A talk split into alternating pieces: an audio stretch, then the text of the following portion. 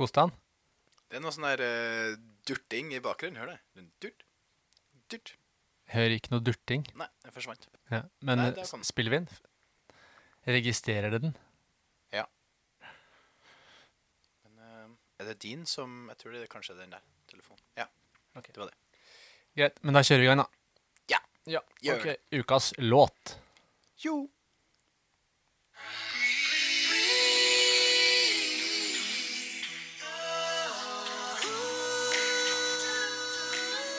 Finsangen? Du har ikke peiling på hvordan sangen der var, Nei, du? ikke Det Det er Backstreet Boys, faktisk. Var det det? Ja, ja. Ok. Men en en av de nyere låtene.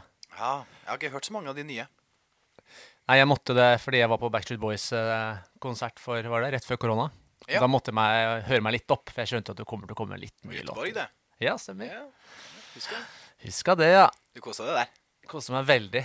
Jeg koste meg med Breathe også, som er ukas tema. Ja. Spennende. Det også er spennende, Ja, Og en uh, celeber gjest. Og en celeb-gjest som vi Som vi har på. hatt her før. Uh, den første gjesten som noensinne har fått lov til å være på podkasten to ganger.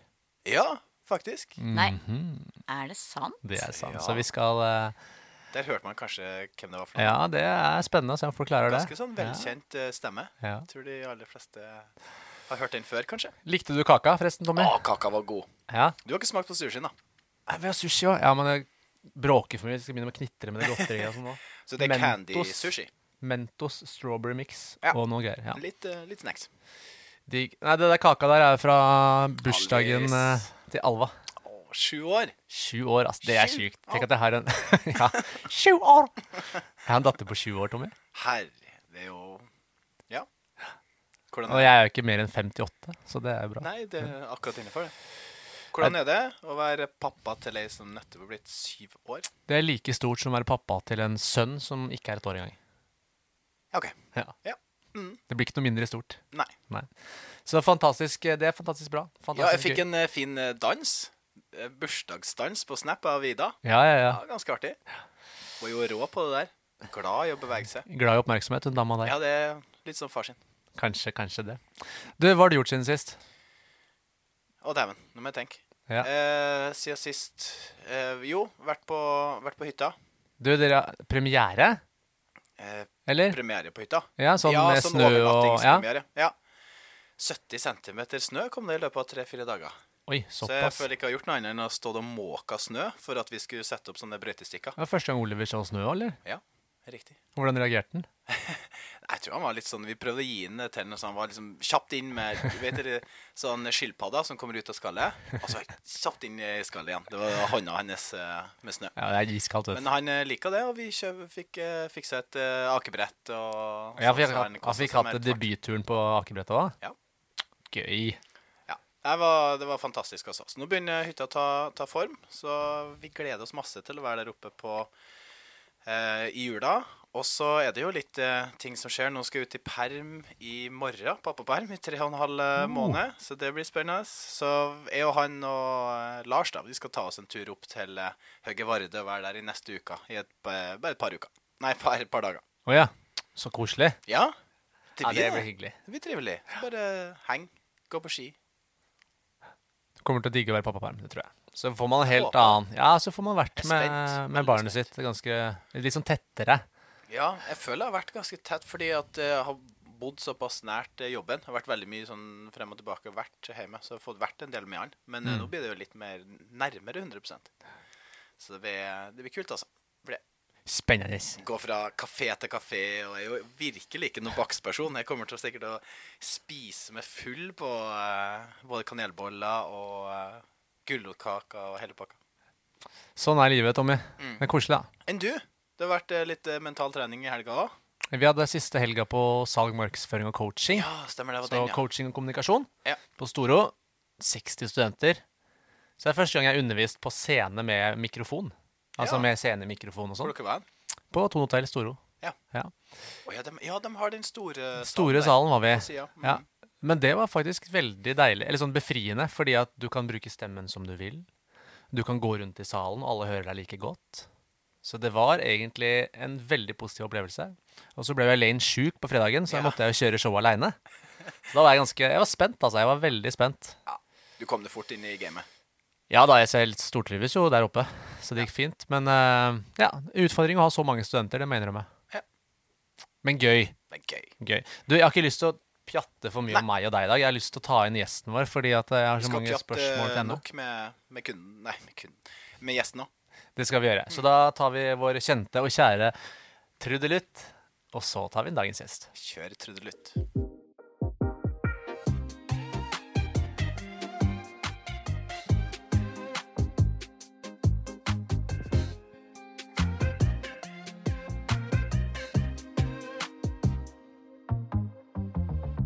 Hei, og velkommen til podkasten Litt for personlig trener med Alex og Tommy.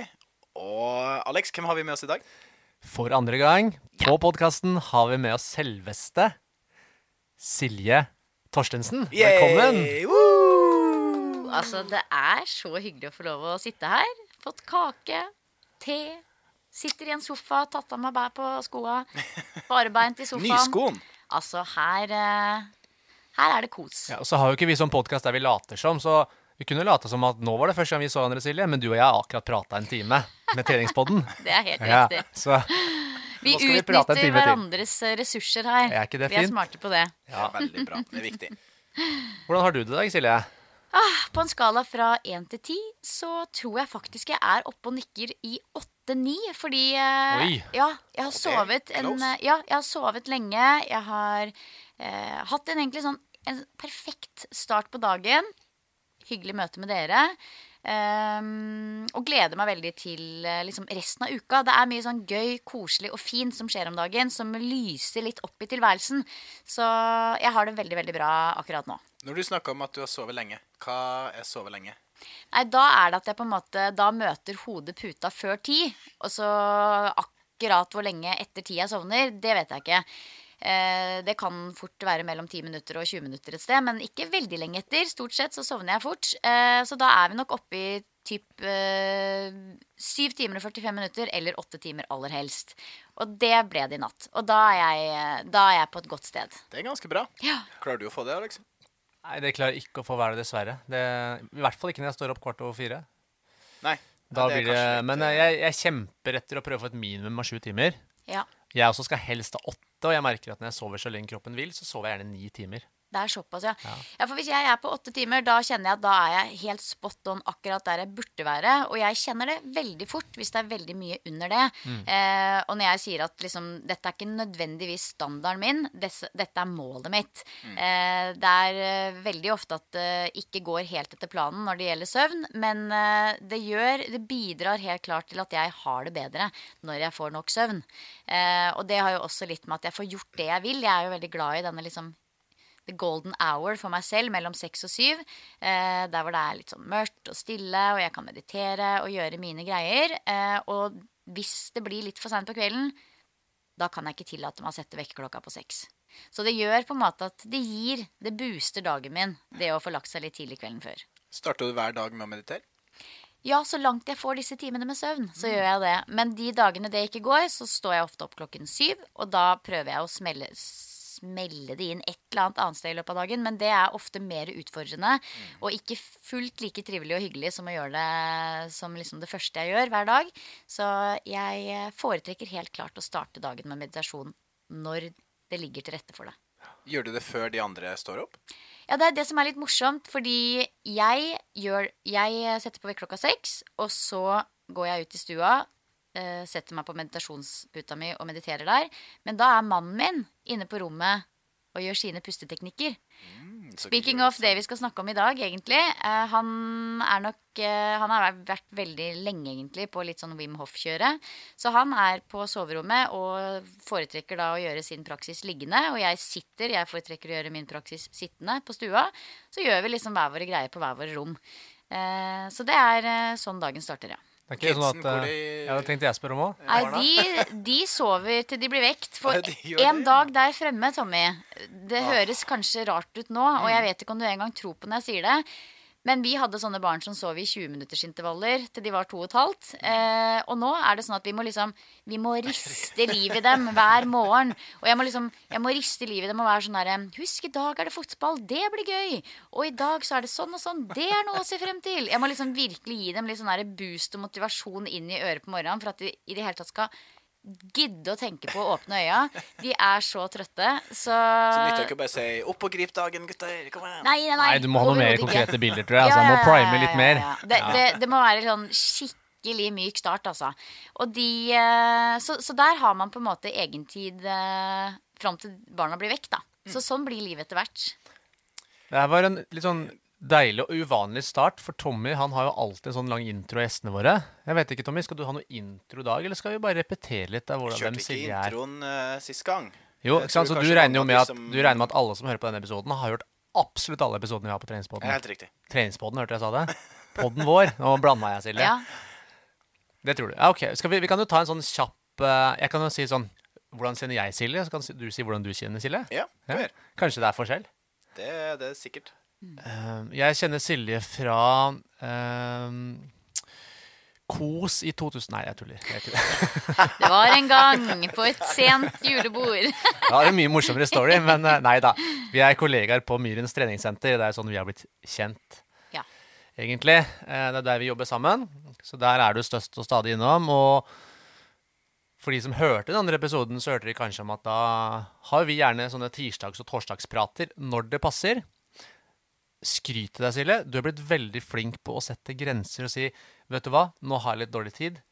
Jeg har faktisk ikke tid til å ta den praten. Oh, ja. Og det setter jeg veldig stor pris på. Fordi at i stedet for at man merker at OK, men du ser ut som du vil høre, men du har egentlig ikke tid, skal jeg si at vi kan ta det senere, men så er du høflig og sier nei, vi, nei, nei, det går bra. Så har du blitt flink til å si det, jeg har ikke tid, for du vet at våre samtaler drar ut i tid. Det er nettopp det. det. Det er faktisk et godt poeng, det du sier der. Vi, men vi forstår hverandre, og vi leser hverandre godt. Så du er jo en sånn person man kan være litt sånn ærlig med. Ja, det er bare å kjøre på. Ja. Så det går helt fint. Ja. Det, det setter jeg pris på. Jo, ja, men det er hyggelig at du sier. Så det er jo der jeg kjenner deg fra, og selvfølgelig fra da en av to som driver treningspodden. Mhm. Og så har jo du og jeg felles interesse, eller vi snakker jo mye om dette med menneskelig atferd, mental trening, og i det siste også pusteteknikker, som vi skal snakke om i dag. Ja. Og du da, Tommy? Ikke så veldig innvikla story Ikke her kos, men hersonningsås? Det er Magaluf, faktisk. Magaluf, ja. ja 2005 var det vel. Vi tok barskolene i lag. Ja, ja, ja, ja, ja.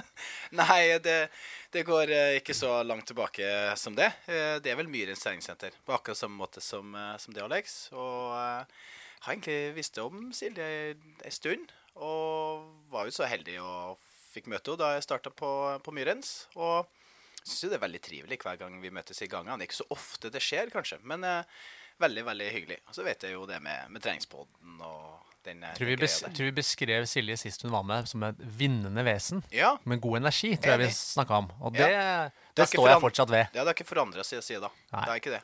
Heldigvis. Det tar jeg fortsatt som et kjempekompliment. Og jeg tenker det, vi er jo liksom på en måte Vi er jo i samme bransje på tvers av bransjene. Vi er i podkastbransjen, vi er i treningsbransjen. Vi burde jo absolutt hatt et podkastjulebord neste år. Det tror jeg jeg har sagt før. Meg og Pia snakka om det også, men jeg mener det virkelig. Jeg husker vi sa det i fjor, at neste år så skulle vi Ja, ha det. Men altså 2023, da blir det. Da, Da blir det det. podkastjulebord. Ja, det er. Kan jo være at vi kan prøve på, på nyåret, da. Sånn at vi tar Et et, nyttårsjulebord. Ja da. Både Det er jeg ikke nyttår eller fremmed for. vår Altså alt går. Alt går. Alt Ja. går. Ja. Nei, men uh, vi får ta opp uh, Ja, vi får eh, Og jeg, jeg syns det er så fantastisk. Dere er jo ikke sant, eh, gutta boys som eh, jobber med trening. Og her er det liksom store muskler og crossfit. Og det er eh, forelesere på PT-studiet. Og så syns jeg bare det er så fantastisk at dere ønsker å trekke inn mindfulness, som vi snakka om sist, og denne gangen pusteteknikken, som på mange måter er enda mer snevert. Eh, fordi det er jo så viktig i et større helseperspektiv, og det er så fint at dere liksom velger å bruke tid på å fokusere på det. Det elsker jeg. Men vi lider jo av en sykdom som heter nysgjerrighet, begge to. Vi gjør jo det. Og vi, vi har jo hele tida sagt at vi skal ikke bare være en sånn her eh, faktapodkast og en fagpodkast. Vi ønsker jo å, å ta del i veldig mange ulike temaer. Og ikke minst bare Eller ikke bare for at de der ute skal lære, men at og vi òg skal lære. Vi er jo Ja, nysgjerrigheten, kanskje. Ja, Og så må jeg arrestere deg litt. da. Vi skal jo ta en masse fakta og fag i dag også, i pust. Ja da, vi så skal det jo det, sånn men er eh, eh, Nei da, men du tenker ja, Jeg skjønte hva du mente.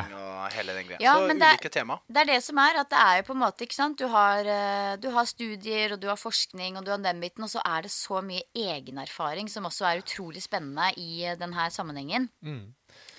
Du, Silje, du nevnte det så vidt. da. Sist snakka vi om mindfulness. Mm. Og det er jo liksom begrepsavklaringer som kanskje er greit å liksom starte med eh, for mange. Fordi at eh, også for min egen del Jeg kan du si at det er jo ikke Jeg er jo relativt ny i pustegamet. Selv om du har nok pusta Ja, så det er jo mange, mange som sitter og som ler og sier sånn Ja, jeg puster fint, jeg. Ja, jeg har pusta hele livet. Men det å trene spesifikt på det Da du var med her sist, så ga jo du oss en liten challenge på det å meditere. Ut ifra mindfulness-episoden, så da testa Tommy og jeg det litt. Grann, i hvert fall. Og så har jeg tatt det til meg og starta opp med det igjen, og merker for min egen del en god effekt. da. Hvor i løypa ligger begrepet mindfulness og meditasjon eller pusteteknikker? Kan vi kategorisere det, og hvordan skal vi se på det her? Altså, mindfulness er jo litt sånn som jeg sikkert sa sist gang jeg var på besøk også, et litt sånn paraplybegrep for mange ulike teknikker. Men hvis man skal liksom dra det helt inn, så handler det jo om et eh, bevisst nærvær på det som foregår akkurat nå. Så du kan jo jobbe med mindfulness i pusten. F.eks. bare ved å studere pusten akkurat sånn som den er akkurat nå. Men pusteteknikker kan jo også være veldig mye mer, som f.eks. konkrete teknikker som går på um, om det er nesepust eller um, munnpust, og om det er så og så lange hold, eller om det er med lyd, uten lyd osv. Fins jo veldig mye. Men eh, det som jeg føler at jeg kan bidra med til dette koldtbordet av eh, pusteteknikker, som er tema i dag, er jo på en måte pusteteknikker i et yogisk perspektiv.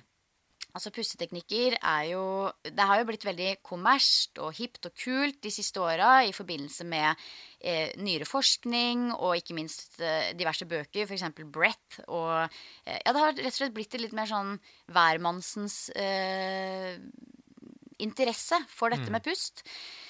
Men det er jo fra Østen eh, også fokuset på pust kommer fra, sånn egentlig. Eh, og så har vi jo bare i større grad blitt eh, mer bevisst på å trekke fram den kunnskapen og studere den nå på ny her i Vesten. Men jeg tenker at det er bare sånn at alle liksom er klar over det, at det jeg bidrar med, er jo på en måte eh, det yogiske perspektivet på pust. Og så vet jeg jo at du, Alex, du også er jo litt inne i en sånn eh, utforskende periode nå med mye pusteteknikker og i forhold til mentaltrening, og har sikkert veldig mye mer å, å bidra med der. Og det er jo det som er fint, at vi kommer fra litt sånn forskjellige, eh, forskjellige steder. Men eh, der jeg kommer fra, er jo pusten i forbindelse med yoga. Og når jeg jobber som yogalærer, så blir det jo naturlig at man jobber med pust uh, ukentlig i hver eneste klasse man underviser, i en eller annen form. Om det er å bare være bevisst på sin naturlige pust som en inngang i praksisen, og så er det selvfølgelig ujjayi-pusten som man bruker i yogaen, kan snakke litt mer om den etterpå. Eller om du også legger til en spesiell pranayama, som det heter, en pusteteknikk. Og yogaen er jo kort oppsummert, ikke sant, kommer fra India, handler i i all enkelthet, hvis man skal skrape det helt ned, om å forene alle delene av mennesket til en enhet. Forene. Eh, og der har man åtte grener som man jobber med. Så hele praksisen kan man si består av åtte grener, der hvor gren 1 og gren 2 handler om indre og ytre leveregler i gåsetegn. Altså ting man skal jobbe med, enten indre arbeid eller ytre arbeid. Som f.eks. indre arbeid, santosha, takknemlighetspraksis f.eks. Eller ytre arbeid, ahimsa, eh, ikke vold. Ikke skade andre gjennom tanker eller handling. Så det er de to første grenene.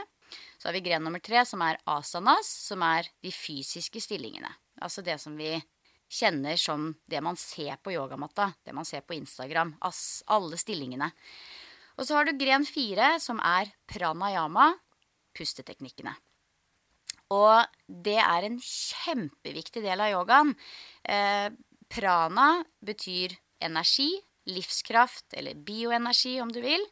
Og yama betyr utvidelse eller kontroll. Så det handler om pranayama, og kontrollere pusten.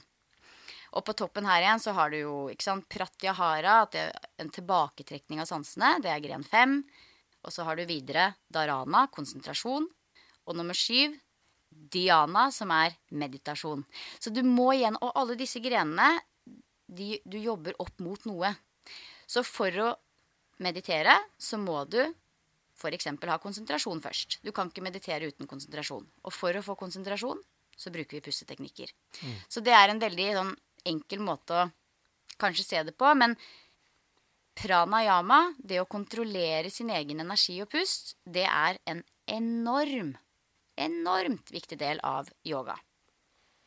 Jeg merker når du snakker nå, så er det sånn Jeg sitter og observerer deg med, med mitt skal jeg kalle det gamle jeg, eller tidligere jeg, og mitt nye jeg. Eh, jeg har ikke sett noe lys eller sånn, jeg, altså, men men dette, hadde du snakka om dette her til meg for bare noen få år tilbake, så hadde jeg tenkt sånn Det lilla skjerfet blir for lilla, Silje. Ja. Jeg orker ikke ja, det her. Ja, det er, helt, det, er for mange helt... begreper, og du snakker Men hvis du prater til meg om det å holde fokus for å klare å løfte tungt, være til stede, konsentrere meg om det som skjer i kroppen, så hadde jeg vært med. ikke sant?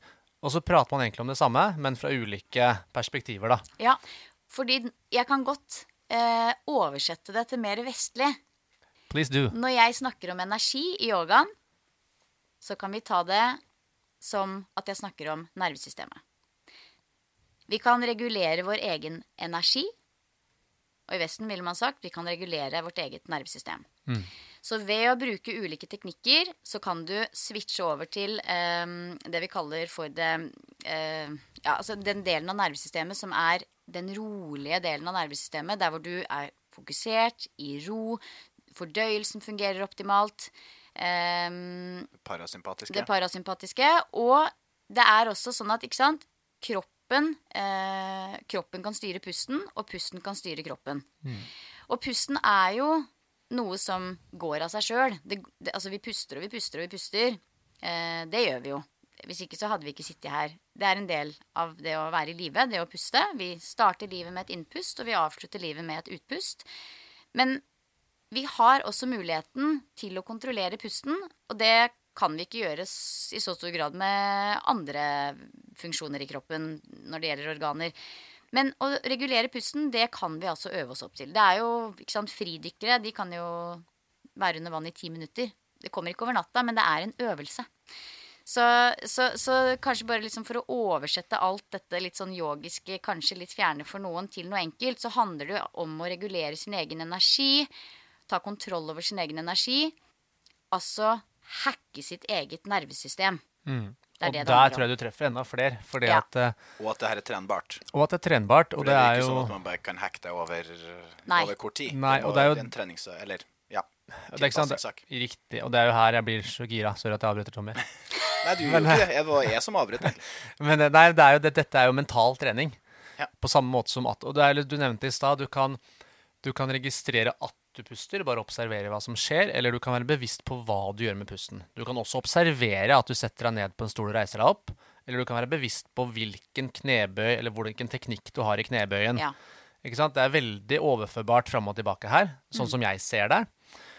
Og bare for å nevne liksom hvordan jeg bruker dette her fra et annet perspektiv, da, som du nevner nå, Silje, inn for å få det her inn i idrett, mannlige idrettsutøvere osv., så, videre, så bruker jeg forskning de har gjort på jagerflypiloter med Olympiatoppen, med Anders Mæland bl.a., som nå jobber blant i oljefondet. Mm.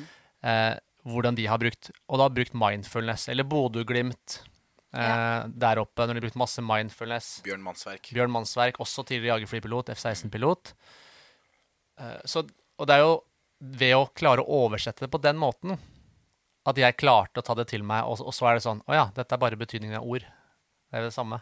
Det er akkurat det, og det er jo på en måte noe av det som uh det er det som er litt fint, at pust og teknikker med pust har blitt litt kommersielt. For det gjør jo at hvermannsen blir interessert i det. At ikke det bare er en yogateknikk, men faktisk en teknikk som gagner oss alle. Mm. Og at uh, forståelsen og åpenheten og at, det er liksom, at man er litt åpen for disse teknikkene, grunnen til at det har blitt liksom stuereint og innafor, er jo fordi det har blitt kommersielt. Og det, er, det blir brukt i idretten. Det blir brukt av liksom de som virkelig skal prestere. De store artistene før de skal på scenen. Eh, og all, at alt dette kommer fram i lyset, det er kjempebra. Men det er også viktig å adressere hvor det kommer fra. Det kommer faktisk fra yoga og østlige tradisjoner sånn i, i, eh, i bunn og grunn. Ja, det er viktig. Jeg tenkte bare å høre med Tommy. sånn... Har du mye erfaring med pusteteknikker, Tommy? Har du Nei. brukt det noe særlig sånn spesifikt? Nei. Nei. Jeg Vi hadde gjorde det litt i den perioden med Balance, den Mm. appen. Um, jeg fikk dessverre ikke holdt på lenge nok med den til at jeg skulle kjenne de sikkert de gode tingene som kommer med det. Som en liten sånn disclaimer da, og forberedelse for deg og lytterne, og Silje for så vidt, så har jeg tenkt at mot slutten av episoden i dag, så skal Silje få lov å coache deg og lytterne våre gjennom en spesifikk pusteteknikk. Oi, oi, oi. Det gleder jeg meg til. Jeg vet jo ikke hva jeg begir meg ut på. Nei, og det behøver man ikke vite heller. Nei. Det er liksom å komme inn og være ny og aldri gjort en utfall før. Du behøver ikke ha gjort det før, men du kan jo lære det. Øve på det. Mm. Ja, det blir gøy. Og jeg tror det er òg viktig for folk der ute å, å tenke at det er ikke alt eller ingenting, men at det finnes noe midt imellom òg. Og det er jo sikkert det, på den måten du òg har starta. Du har ikke starta sånn som du holder på nå, kanskje, men at det er en sånn naturlig trappetrinnsmetode. At du tar eh, ett og ett steg av gangen. Ja, og, og, og, det, og det kan jeg også gi noen gode eksempler på, hvordan man kan begynne i det veldig veldig enkle. fordi det er ikke sånn at man må hive seg løs på en eller annen sånn superkomplisert pusteøvelse med en gang. Um, så den øvelsen jeg skal kjøre med deg, det kan vi kan høre med deg, Alex, om du har noen forslag på det. Men, men det kan jo være noe helt enkelt som å observere sin egen pust. For mange, så, som er, når den er i naturlig form, for mange så er kanskje det spennende nok i starten.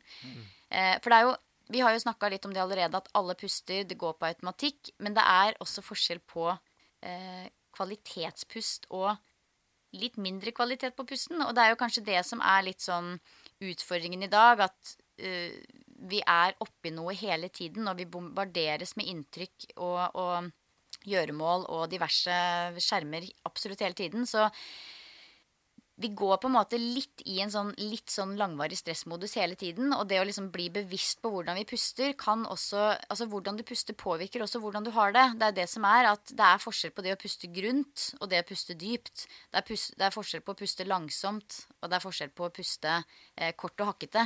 Eh, og det kan man bli veldig bevisst på bare ved å sjekke inn og legge merke til det.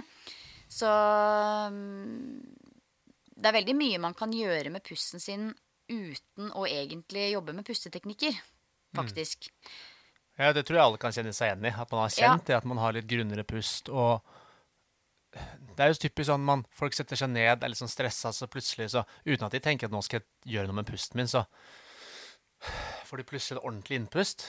Fordi de først da slapper av. Og jeg opplever det samme når jeg sitter og prater med mennesker, at plutselig så får du et innpust. Ja. Eh, Og noen er bevisst på det. Jeg har jo noen kunder som er sånn Veldig sånn Nå fikk jeg innpust, så det du sa, var sant. Ikke sant? Altså, det er liksom Det kan være det. Og noen, ja, ja, og noen er jo, har jo såpass god kontakt med sin egen kropp og pust. Mens andre bare Det bare skjer. Og så tror jeg mange har et veldig forhold til kanskje Nå snakker vi om innpust, men utpust. I hvert fall de som trener. Du løfter tungt, du girer deg opp. ikke sant? Du står der og kanskje puster hardt ut før Ja. du skal gjøre noe. Det tror jeg mange har brukt. Og det skal vi jo snakke litt om forskjellen på de to. Jeg blir veldig nysgjerrig, Silje, fordi det er jo gjerne en eller annen grunn, enten uh, skal vi bruke begrepene for aktivasjon, motivasjon igjen, men det er gjerne en grunn til at man blir interessert i sånne ting. For som du sier, du puster jo. Du har jo pusta i livet. Hvordan endte du opp med å bli så nysgjerrig på det med pust? For meg så var det egentlig en, en eh, inngang inn i yogaen.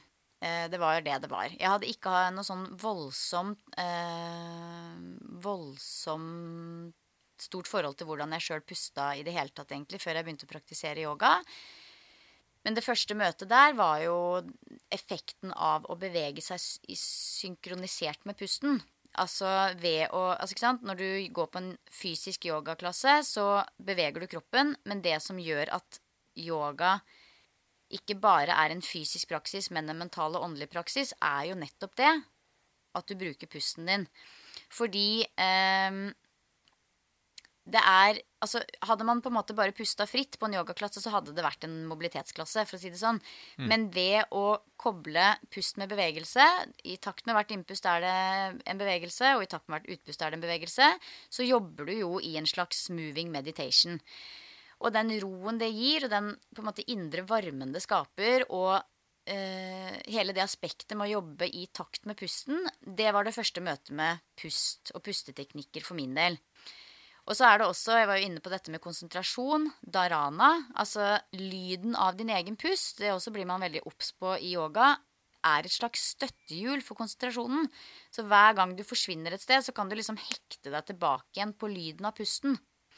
For i den klassiske yang-yogaformen, altså de dynamiske yogastilene, så puster man med det som kalles ujjayi-pust. Eh, og det er en slags sånn, det er neseborspust, inn og ut gjennom nesa, og så lager man en slags sånn lyd bak i halsen som minner litt om hvesing eller susing eller havets pust, ocean breath. Så Sånn høres det ut. Det hørtes som havet, det. Det høres Sånn som som du hører i sånn skjell som du finner på, Det er akkurat sånn. beachen. Men det er veldig, det er veldig sånn befriende, egentlig. Og så er det mange tror jeg, som syns det er litt ubehagelig. Det er Ja. flaut å skulle bruke lyd når man puster. Ja, og, og det, det må jeg jo minne om hele tiden på klassene mine, fordi du hører at liksom de kommer i gang, og så mister de den litt, og så må man minne de på det, og så kommer de i gang. Og så, noen er jo helt musstille, syns det bare er rart å skulle puste høyt. Men så når man kommer i gang med det, så er det veldig deilig. Og det er jo det som det at man liksom ikke bare fokuserer på kroppen, men at det er en mental praksis, det også blir jo på en måte først en oppdagelse når man tester dette med pusten. Eh, og i starten så kløna jeg veldig med det også. Da pusta jeg jo altfor mye og altfor hardt, så jeg blei svimmel, og det ble ubehagelig, og ble tørr i halsen og alt mulig rart. Så du må liksom finne en sånn passe intensitet. Men lyden skal være tydelig hele veien. Så det var inngangen min inn i pust. Og så begynte jeg å teste ut litt ulike pusteteknikker innenfor yogatradisjonen etter det. Eh, som jeg fortsatt jobber med litt her og der, men det er likevel sånn at det, det er ikke hovedfokuset mitt. Jeg, jeg foretrekker å jobbe med meditasjon. Men i perioder så kan jeg bytte ut meditasjon med pusteteknikker fordi jeg syns det er enklere å forholde meg til hvis jeg er i en periode hvor det er veldig mye som skjer. Eksempel i høst, når jeg kom hjem fra Australia Det er litt sånn ulempen med å dra vekk i åtte uker, er at du blir kasta inn i ganske høyt tempo da, når du kommer hjem. Da klarte jeg ikke å meditere på lang tid. Da måtte jeg bare legge vekk eh, meditasjonspraksisen min og bytte det ut med pusteteknikker, fordi det er på en måte enklere å holde konsentrasjonen i. Um, Hva vil du si er forskjellen? For jeg tror mange tenker at det er det samme. Meditasjon og pusting. Ja. Det er, eh, det er jo litt som jeg nevnte i stad med disse grenene, at det på en måte er en fin måte å samle konsentrasjonen din, samle oppmerksomheten din for å være konsentrert. Og for å kunne meditere så må du være konsentrert. Eh, og for de aller fleste så tror jeg inngangen inn i meditasjon er å øve konsentrasjonen sin gjennom f.eks. pusteteknikker. Men det er likevel en liten forskjell. Når du havner i meditasjon, eh, så er det på en måte en helt annen tilstand. Litt sånn tid og sted forsvinner, og jeg må ha på alarmen, ellers så vet jeg ikke om det har gått 10 minutter eller 30 minutter.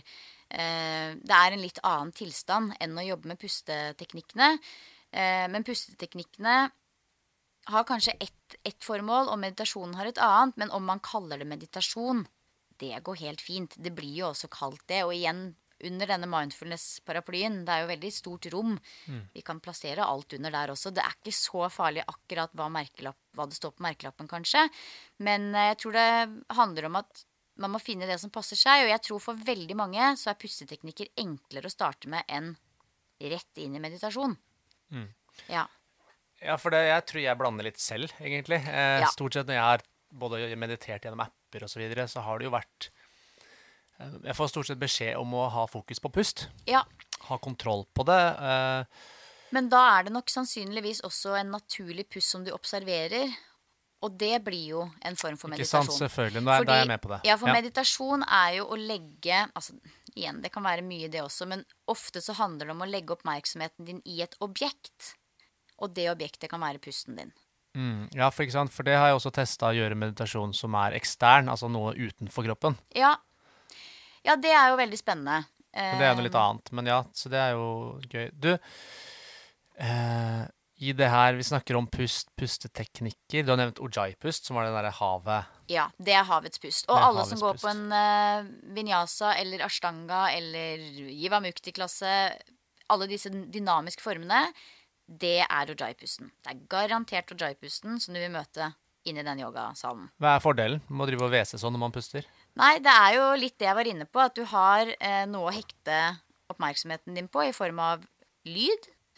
Eh, det er et støttehjul for konsentrasjonen. Og så er det også en Det høres litt rart ut eh, å si, men du, det er en måte å liksom varme deg opp internt, på en måte. At du, du, du får i gang en varme i deg selv gjennom pusten. Eh, men så er det også nesebordspusten som helt tydelig gjennom masse nyere studier også viser at har en utrolig god helsefremmende effekt når det gjelder å koble på det parasympatiske nervesystemet. Så det gjør at du kommer inn i en roligere, mer fokusert modus. Jeg vet eh, Vi testa jo det teipen, Tommy. Eller du fikk i hvert fall prøve det i 20 minutter før du tok den av. Ja. Har du prøvd det igjen, eller? Eh, nei. Nei? Det. Kanskje jeg skal gjøre det igjen. Men en ting som har kommet mer og mer òg litt inn mot eh, crossfit, og det med mye trening i sone 1, sone 2, spesielt sone 2, det ser man jo at det kan ha en veldig positiv virkning. Um, og da er det snakk om det her eh, nose breathing som Ja. vi snakker om her. At du nesa, ja. puster kun gjennom nesa. Hvis at du kjenner at du da må begynne å puste eh, med munnen, så har du kommet litt for høyt i intensitet. Har du testa det selv? For jeg synes det er, jeg har testa bare gå, litt sånn i oppoverbakke og sånn. Ja, jeg testa det på Synes det er kjempevanskelig. Det. Der syns jeg det er enkelt å kontrollere det. Så, men jeg har ikke holdt på lenge nok eh, med det for å teste det ordentlig. Det er jo en veldig fin metode å bruke som en slags subjektiv måling på intensitet. Mm. det at man skal kunne puste gjennom nesa. Om ikke i hele arbeidsperioden, så i hvert fall delvis, da. Da snakker vi om lavere intensitet. For er det høyere intensitet, så må man nødvendigvis puste gjennom munnen også. Ja, Der er jo noen uenig i det også, Ja, faktisk. Man kan trene opp egensk... Altså, man kan trene opp nesa til å puste mer, men jeg er ikke helt der. Altså, Jeg syns det er kjempedeilig å få lov å bruke både munn og nese som inngangsport til oksygen når jeg løper intervaller. Bare så det er sagt. Men, det er en Det snakkes jo veldig mye om Det er en absolutt klar fordel som du vinner på, det å puste med nesa. At veldig mange kanskje puster for mye gjennom munn. Og det er Det har blitt det har det, bl- det har det blitt veldig mye fokus på i det siste. Og det er jo litt sånn eh, Ikke sant? Jeg, er, det er gjort masse studier på dette med nesepust eh, versus munnpust. Og de aller fleste gjør kanskje litt begge deler. Men de som puster veldig mye med munn, de har høyere sannsynlighet for å ha mer stress, høyere blodtrykk, eh, dårligere tannhygiene faktisk. Eh, og er mer i det litt sånn fight or flight-delen av nervesystemet i større grad enn de som er mer eh, bevisste på å puste mer med nesa. Og Tror du de som puster med gjennom munnen, også bruker mer Otrivin? Det er ganske mange som er avhengig av nesespray. da. og det også er jo det, Dette med tett, tett At det er litt tett, er det jo mange som sliter med. Jeg gjør det litt sjøl, jeg. Ja, og, det, og det, det er også trenbart. At man øver seg på å puste mer med nesa. Sånn at, og det, det må man kanskje i starten være bevisst på. At nå skal jeg ta tre minutter av dagen min til å øve på å puste med nesa. Og så blir det mer på automatikk etter hvert. Så du må hacke det og manipulere det i starten. Sette av tid, øve. Og så jo mer du puster gjennom nesa, jo mer vil du puste gjennom nesa. Eh, og det er Det er eh, det er visst et eller annet med, og dette her må ingen ta meg på, men dette med hvorfor vi har begynt å puste så mye gjennom nesa, det er visst flere grunner til det. For vi har ikke alltid vært sånn. Altså den originale pusteinngangen til mennesket er egentlig gjennom nesa. Det er, vi bruker nesa til å lukte og puste, og så skal vi bruke munnen til å spise.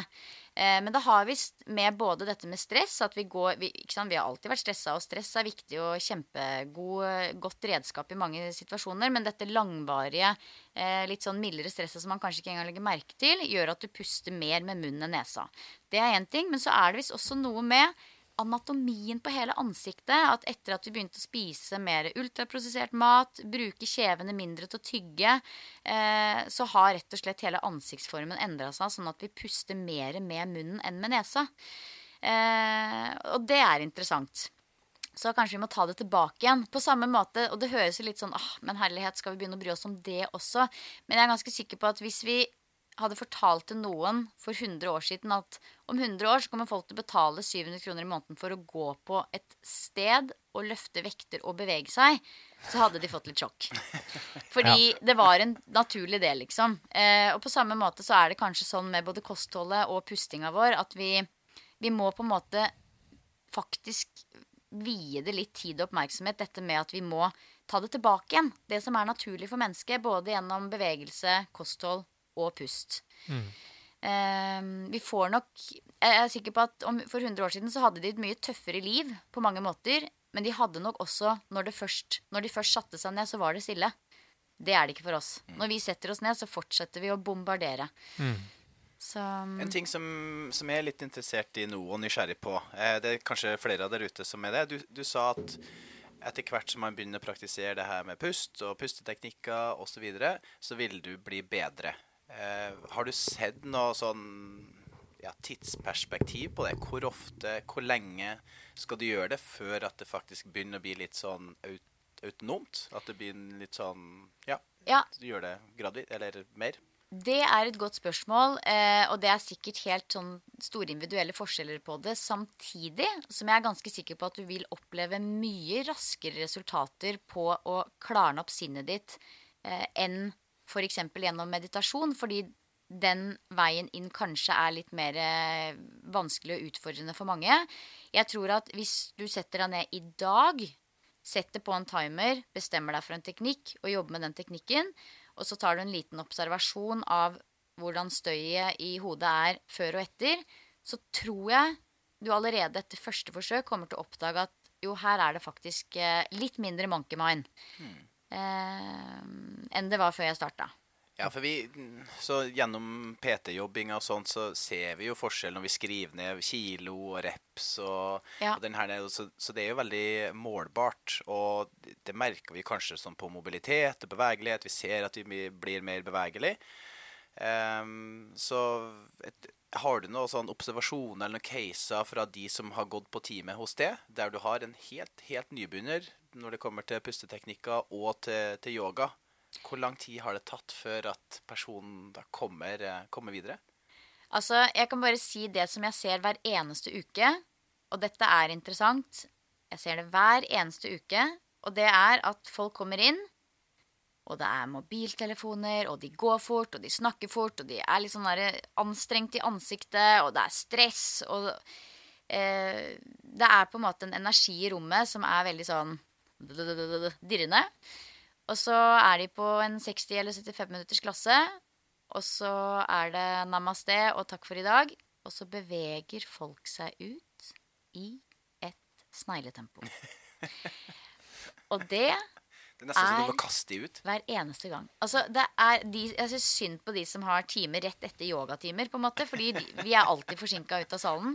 Folk kommer løpende inn, og det er liksom Det er? Det er raske bevegelser og harde bevegelser, og man er, man er oppe i sitt eget hode 100% og så går man ut derfra og er i sin egen kropp. Og det er det, det Om det er bevegelsene, pusteøvelsene, hva det er, vanskelig å vite akkurat, men det er i hvert fall en kombinasjon av alt sammen, tenker jeg, og spesielt dette med pusten, som gjør at folk er i et helt annet modus. Og det er veldig sånn Det er veldig tydelig og synlig. For det skjer hver gang. Men så kommer du ut den døra der, og så møter du jo hverdagen igjen. Ja, Hvor ofte må du gå på yogatime for at det da skal være Ja, jeg tror nok at uh, det er jo uh, veldig fort gjort at man bare da setter seg på benken utafor salen, skrur på mobilen, og så var man oppi det igjen. Der var innboksen, ja, og der var liksom Plutselig så var man switcha over i det den andre delen av nervesystemet igjen. Men jeg tror nok at hvis du praktiserer ulike typer mindfulness-teknikker, om det er meditasjon, yoga, meditasjon, hva det måtte være Hvis du gjør det eh, litt altså over tid, kontinuerlig, så vil du bygge opp en robusthet som gjør at du kan stå litt stødigere og roligere i alt støyet på utsida i større grad. Det blir kanskje litt unnskyld at jeg avbryter, Silje, litt som fysisk trening. da. At du Ja. må kanskje jobbe litt hardere i starten for å bygge opp en grunnstyrke for å tåle noe. Ja. Så krever det litt mindre å vedlikeholde det. Da Ja. tåler du den belastninga litt mer, og det vil være kanskje litt det samme her også, da. Mm.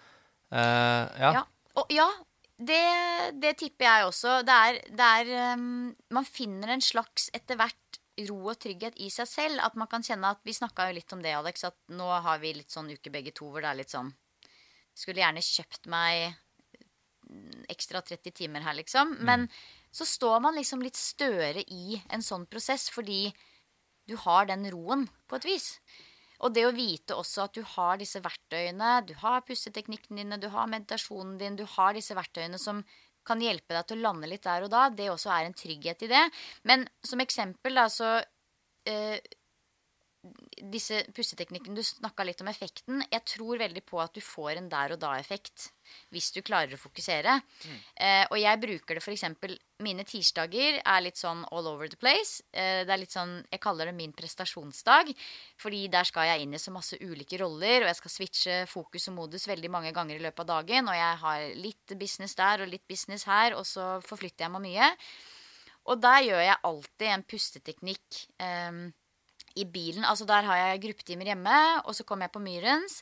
Og da gjør jeg enten pusseteknikkene mine i, i, bilen, eller så går jeg opp i salen før timene mine, setter på varmen, skrur ned lyset og gjør enten en yoga nidra eller en pusseteknikk der før liksom kveldsracet med gruppetimene mine på Myrens. da. Så det er på en måte litt sånn at jeg restarter dagen min. Og det er fast tradisjon. Det gjør jeg hver tirsdag. Og det er en slags sånn overlevelsesteknikk, på en måte, for å ikke slite meg helt ut. Og for å kunne switche over i de ulike rollene mye enklere, da. Um, og, så, og, igjen, det handler om å regulere energi. Det er det det handler om. Og de ulike pusteteknikkene har jo også ulike mål, i form av at noen ønsker å regulere ned energien, og noen ønsker å regulere opp. Mm. I noen pusteteknikker så ønsker du å samle fokuset. Um, så det er, det er um, ulike teknikker med ulike mål også. Ja, Det skal vi komme inn på snart, litt sånn spesifikt rundt de teknikkene. Hva, Men, gjør, uh, sorry. Hva gjør du for å regulere energi? Ja, For det første, jeg får så trang, da. Jeg sitter og ser på Jeg har sånne merkelige, jeg har et veldig merkelig hue, det vet du jo. Jeg sitter og ser på situasjonen fra så mange perspektiv, så får jeg sånn trang til liksom, når vi snakker om energi igjen. For jeg, jeg hører sånn folk som bare sier Energi. Så bare ja. ja. Men eh, hva er det som går gjennom nerves, nerveceller, da? Elektrisitet, skal vi kalle det. Mm. Ja, og kalle, Spenning, snakker vi ikke om energi når vi prater om strøm? Så det er sånn Ja, ikke sant? Det er jo energi vi snakker om hele tiden. Så det er så gøy ja. når folk da er, blir sånn kritiske når du bruker ordet energi. Og de har Altså, dette her, det er um, spesielt en østerriksk uh, psykiater som har studert dette her mye med energi. Er det mulig å måle det, på en måte? er det mulig å måle? I watt. I hva helst. Jeg vil ha det i tall. Og, altså, eh, nå husker jeg faktisk ikke helt hva han heter. Jeg har det i boka mi her ved siden av, så jeg kan finne det etterpå. Men, men, han har studert dette med energi, om det er mulig å måle det. Og han kalte det for muskelpanseret. Dette, altså kroppen til mennesket som noen ganger For noen, altså, noen dager, og der må vi være helt ærlige, uansett hvor eh, nerdete man er på forskning og studier eller ei, noen dager så har man en sånn go i kroppen. Kreativiteten er på, du har masse ja, du gleder deg til trening, du er sprudlende og glad. Andre dager så bare kjenner det, Man kjenner det bare ikke. Jeg føler den ikke i dag. Det er liksom ingenting som frister. Du er tung i kroppen, du er sliten i hodet, du klarer ikke å sette fingeren på hva det er. Det er en typisk dag hvor jeg kjenner at jeg har lav energi. Disse andre sprudlende dagene hvor det bare er masse gå, masse kreativitet, masse ja, det er en dag med høy energi. Og så handler det jo om å regulere energien, egentlig. Eh, Verken for mye her oppe og altfor mye her nede, men et sted midt imellom. Mm. Um, så, så, ja, jeg, jeg, jeg, skjønner så godt at det er vanskelig å hekte på Det handler litt om liksom dette med er, Det er ikke mulig å se det i kroner og øre gjennom et horoskop, kanskje. Nei. Bortsett fra kanskje Altså, ja. Uh, jeg skal finne frem til han østerrikske psykiateren. Så ja, det er vanskelig når Tommy stiller spørsmål om hva du ser, så kan du si hva du observerer. Jeg kan jo si hva jeg subjektivt merker. Ja. Uh, og ref spørsmålet hva jeg gjør, da. Jeg har jo nevnt litt for lytterne våre at jeg ofte har en uh, fem minutter minisession uh, i bilen før jeg skal inn ha PT-kunder som en del av min morgenrutine. Uh, jeg har benytta meg veldig mye av powernaps opp gjennom årene. Fordi, og nå har jeg gått over til å teste yoga nidra, som er en type mindfulness, eller ja kan si litt mer om enn meg. Men det kommer masse forskning på det, som uh, viser bl.a. at det å gjøre litt yoga nidra uh, kan være med kanskje til og med å erstatte noe av den tapte søvnen du har. Som du ikke har fått på natta. Så det er ganske mye spennende rundt det. Uh, Utfordringa mi når jeg tester yoga, yoga nidra, nidra Opplys meg. Silje skal få lov å komme inn på det snart. Ja. jeg skal bare fortelle at du, det er jo en sånn tilstedeværelse hvor du kjenner litt på kroppen og hva som skjer. Det, ligger egentlig, det er en avspenning. Men jeg sovner jo når jeg gjør det. Så jeg får en powernap allikevel. Er det en positiv ting eller en negativ ting? Det å skulle sovne når, sovne når du gjør det? Yoga nidra, altså Målet i en yoga nidra er ikke nødvendigvis å sovne fullt og helt. Men eh, om man gjør det, så gjør det ingenting. Jeg praktiserer mye yoga nidra selv og kan fortsatt oppleve det å sovne. Men det er jo litt sånn klassisk sånn nybegynner at man sovner, på en måte. Jeg gjorde det masse i starten, jeg også, og så gjør jeg det fortsatt innimellom. Og da er jeg ikke sånn der å nei. Det er ikke sånn der å nei, det var bortkasta tid. Da var det det jeg trengte, da. Men eh, altså, det fins jo ulike deler av Altså vi har jo ikke sant, fem ulike søvnsykluser som du går igjennom eh, i løpet av natta også. Og Målet er ikke å havne i den modusen, den syklusen med søvn i en nidra, der hvor du liksom snorker eh, og drømmer masse og rikker i kroppen og holder på. Det er egentlig å havne i, det, eh, i den syklusen rett før. Der hvor du liksom kjenner, apropos dette som jeg nevnte i stad, tilbaketrekning av sansene, at liksom lyden kanskje forsvinner litt av og på. Du er, du er, er du, Kroppen din sover, men det er et lite lys tent på i bevisstheten. Det stadiet rett før du sovner, som egentlig er litt deilig, hvor det kommer plutselig opp mye sånne rare bilder uten at det er en drøm.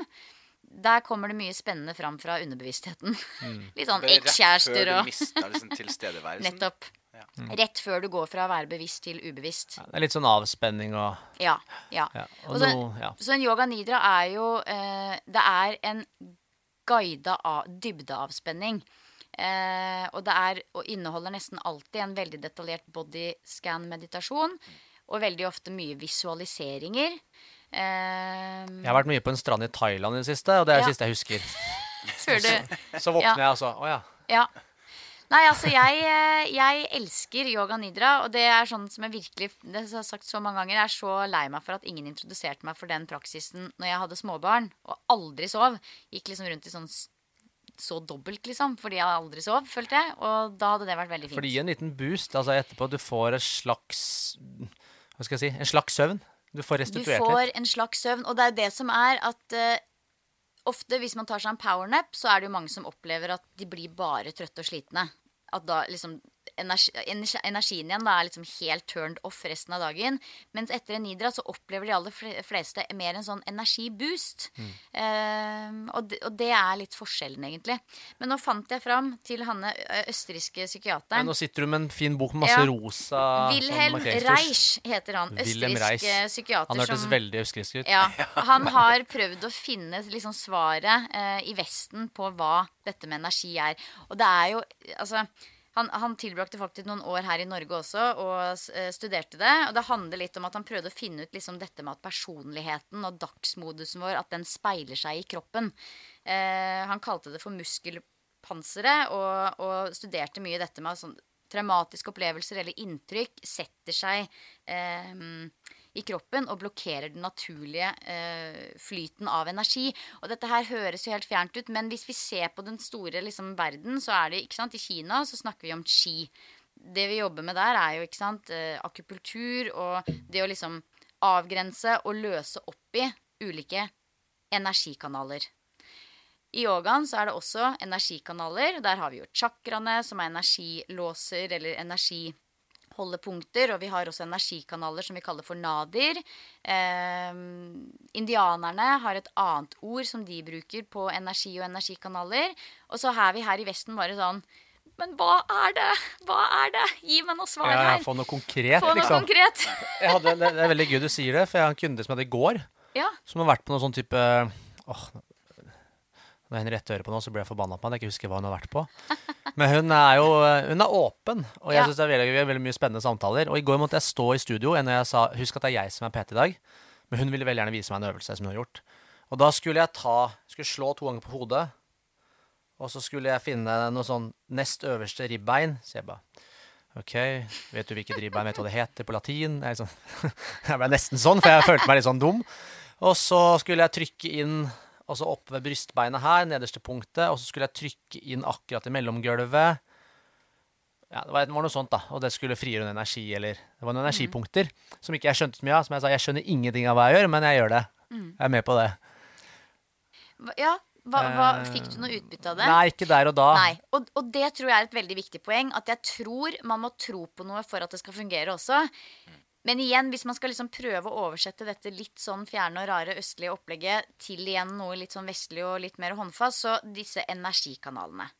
Det er jo faktisk også sånn at ok, hvis vi tar yogaen som utgangspunkt, da, at vi har på venstresiden så sier vi at vi har den rolige energikanalen, den som kalles for Ida.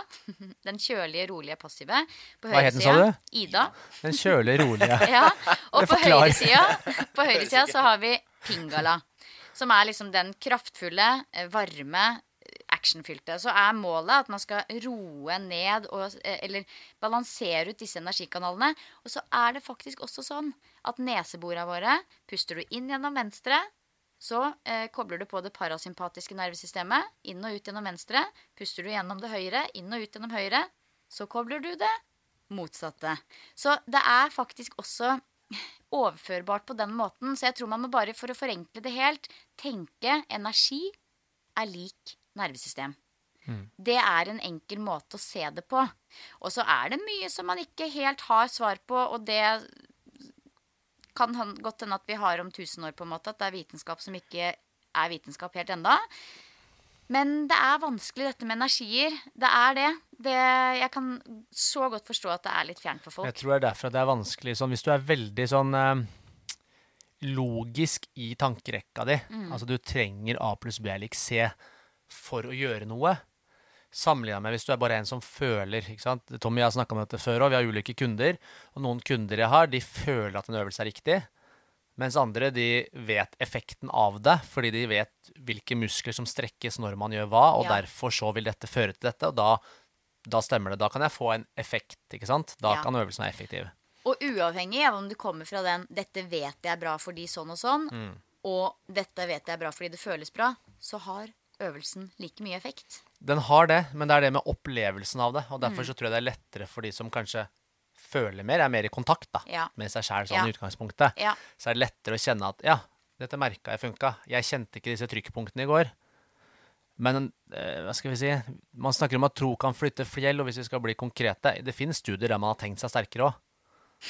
Ja, men det gjør det. Ja, ikke sant? Man har sett det, og det blir blitt en sterkere kobling i nervesystemet. Ja. Bare ved visualisering. Ja. Altså hjernen er forbanna sterk. Så det, at man, det kan skje ting bare ved at vi tror. Ja. Ja, Eh, ja. Så jeg tror du må tro på det. Det tror jeg òg. Og jeg Ja. Ja, nei, nei, jeg skulle bare For du har jo jobba mye med denne box breath-meditasjonen. Mm. Eh, eller box breath-pusteteknikken. Mm. Eh, hva, hva føler du umiddelbart etter at du har gjort det? Sånn rett etterpå Mm. Rett etterpå så føler jeg en ro. Eh, jeg er litt mer fokusert. Jeg er ganske all over the place sånn i utgangspunktet. Ja. Det er mye tanker, det er mye ord, det er mye greier. Eh, jeg tenker jo også best egentlig når jeg snakker. Sånn. Mange ganger så må jeg snakke høyt om noe for å sortere tankene. Og da tror folk sånn Ja, men ikke bry deg om det. Så jeg, bare, jeg bryr meg ikke om det, jeg skal bare sortere det her ja, ute. Ja, ja. Eh, jeg kjenner at når jeg har gjort den, den type pusteteknikk, som er veldig konkret Veldig sånn Puste inn i fire sekunder, holde pusten i fire sekunder, puste ut i fire sekunder, og holde pusten i fire sekunder. Eh, når jeg har gjort det noen minutter, så er jeg veldig fokusert, for jeg kan ikke gjøre så mye annet enn å fokusere på pusten når det er oppgaven min. Mm. Så jeg blir rolig av at jeg puster rolig, og så blir jeg fokusert. Så det funker for meg for å samle meg, da. ja. Mm. Og hva er det med den teknikken som gjør at du føler at den treffer deg bedre enn andre ting du har prøvd? Jeg veit ikke om jeg vil si at den treffer meg. Jeg har prøvd litt flere, men den er veldig konkret. Ja. Uh, og det liker jeg. Og det er min erfaring med den pusteteknikken også. Box breath, folkens. Eh, søk det opp. Det er akkurat det. At den er veldig enkel, konkret å forholde seg til. Det er noe du bare kan gjøre på egen hånd. Du trenger ikke noen til å guide deg.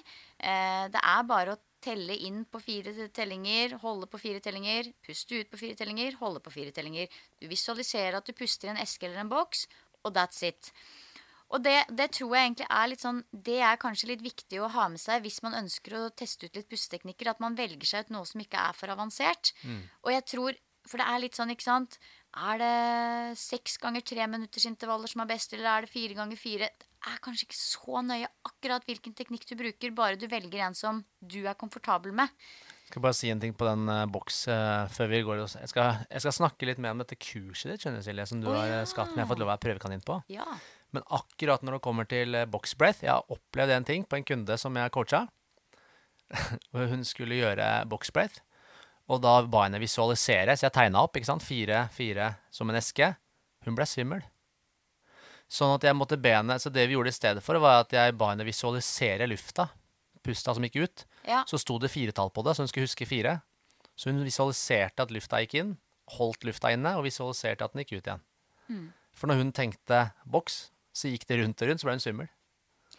Det er morsomt. Og en, en enda enklere variant som jeg også bruker en del, eh, er å puste istedenfor denne boksen, hvis det også blir for mye å forholde seg til. Puste inn på fire og ut på seks. Inn på fire og ut på seks. Da er utpustene dine lange og rolige. Eh, men det er jo også masse andre eh, teknikker der ute som Om det er fire, om det er syv, om det er seks, spiller kanskje ikke så stor rolle. Bare begynn et sted. Men dette med å liksom øve seg på å holde pusten også, eh, kan også være sånn trigger til at folk kanskje blir litt uvel og kvalme i starten. Så kanskje man dropper det i starten. Bare jobbe med innpust og utpust på en viss lengde. Det viktigste kanskje er vel å si noe om eh, lengden på innpust versus utpust. Sånn Ja. med tanke på hva vi trigger. Ja, og rolige utpust er også forbundet, med eh, å switche over på et roligere, en roligere del av systemet ditt. Så ja. Så det også er jo egentlig fint å tenke at du, du skal puste egentlig rolig inn og rolig ut, men kanskje enda roligere ut enn inn. Ja, I hvert fall på de fleste, da. Mm. Men vi kan jo se litt på det. fordi som jeg nevnte så vidt Det har ikke jeg sagt til deg, Tommy, men Silje har eh, skapt en, eh, et kurs med pusteteknikker. Og så har jeg fått lov å være litt sånn prøvekanin. Ja, jeg har ikke, det var derfor jeg hørte om noe kurs her i starten. Så bare Hæ, hva er det slags kurs? Jeg har ikke hørt om. Altså, det er litt ulike pusteteknikker eh, som jeg tenkte jeg hun skal få lov å forklare, men som jeg har testa litt. Eh, blant annet box breath, som er en del, og så er det litt andre, andre teknikker. Eh, jeg veit at din favoritt er Nadi, Nadi Shodana. På godt norsk vekselspust, der man mm. gjør nettopp dette som jeg nevnte i stad. Man puster inn gjennom eh, venstre og ut gjennom høyre, og inn gjennom høyre og ut gjennom venstre. Så man veksler mellom høyre og venstre. Så det er ganske fokusert for å få til det. Det, Ja, det men- kanskje Det var den mest ubehagelige pusten jeg har testa. Ja, for det er min favoritt, nemlig. Så det er jo litt morsomt. Men ikke det var sant? der og da. Jeg ble mer tett i nesa etter hvert som jeg pusta mer. Altså sånn i løpet av den session. Nå har jeg gjort det her Mm. veldig lite. Jeg har gjort det to ganger nå. Men Lukka du øynene, da? Jeg prøva nå. Ja, men du må holde Du må holde. Å ja, du må holde på den ene sida. Hvordan skal man holde da, Silje? Altså, ok. Hvis man eh, tar høyre hånd opp nå, så finner du pekefinger og langefinger. Plasserer de i panna midt mellom øyebryn. Og så har du tommelen din klar til å åpne og lukke høyre nesebor. Og så har du ringefingeren klar til å åpne og lukke venstre nesebor. Så kan du nå Ja, vi begynner bare med å ta et dypt innpust. Og et godt utpust. Så kan du nå lukke høyre nesebor med tommel. Puste inn gjennom venstre. Lukke venstre, puste ut gjennom høyre. Puste inn gjennom høyre. Lukke ut gjennom venstre. Og det var én syklus. Så gjør man kanskje ti av de. Spennende.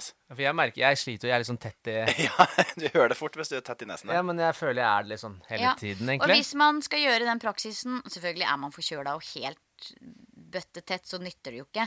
Men hvis du bare kjenner at du er litt tettere i det ene neseboret enn det andre, så hjelper det faktisk å legge seg ned på sida og ha det neseboret som er tett, øverst. Ja. Ligge der et minutt, så får du løsna opp litt, og da kan du sette deg opp. Kanskje jeg burde begynne med sånn eh, skylle med sånn horn med saltvann og sånn ja, først? ja, og og det er jo litt. Da er vi inne i yoga.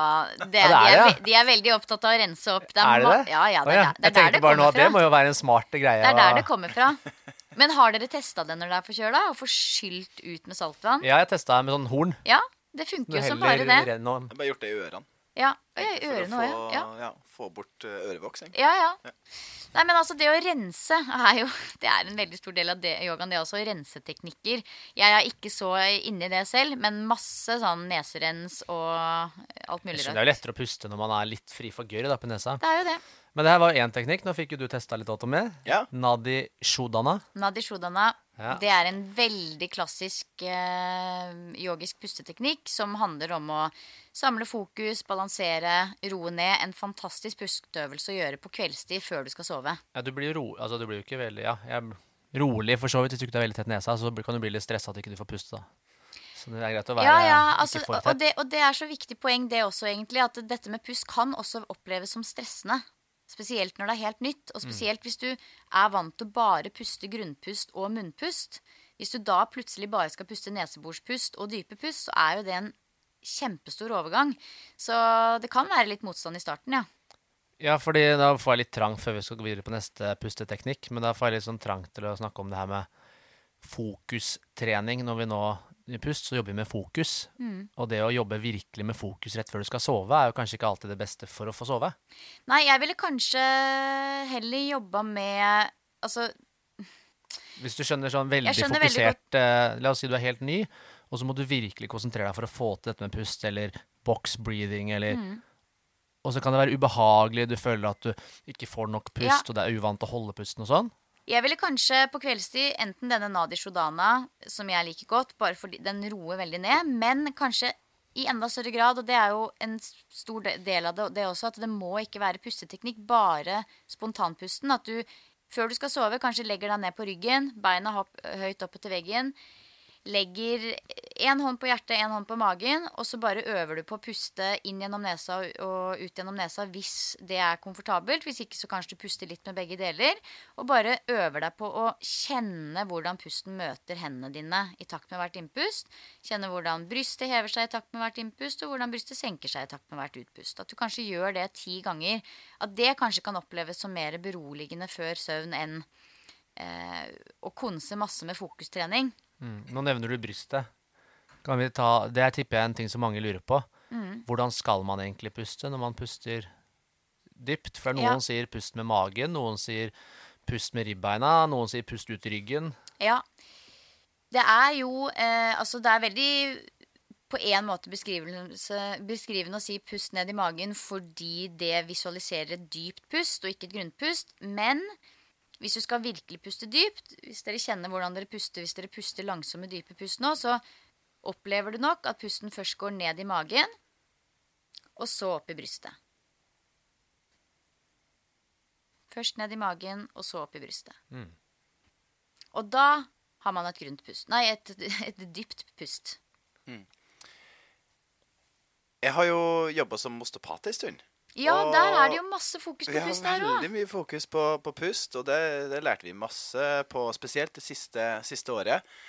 Og jeg har eh, ofte gitt det både til, til kunder og til pasienter. Det er egentlig akkurat samme teknikken som du snakka om der, at du har en hånd på brystet eh, og så en hånd ned på magen. Der har vi da snakket om at du skal hvert fall simulere eller tenke at du blåser opp magen som en ballong. Og bruk god tid på, på innpust, og bruk god tid på, på utpust. For at fra osteopatien eh, så er det jo litt det her med tankegangen der. Det er jo det å skal ta for seg fem ulike modeller som ikke er så ulikt eh, det her, og slå dem sammen til at de faktisk påvirker hverandre.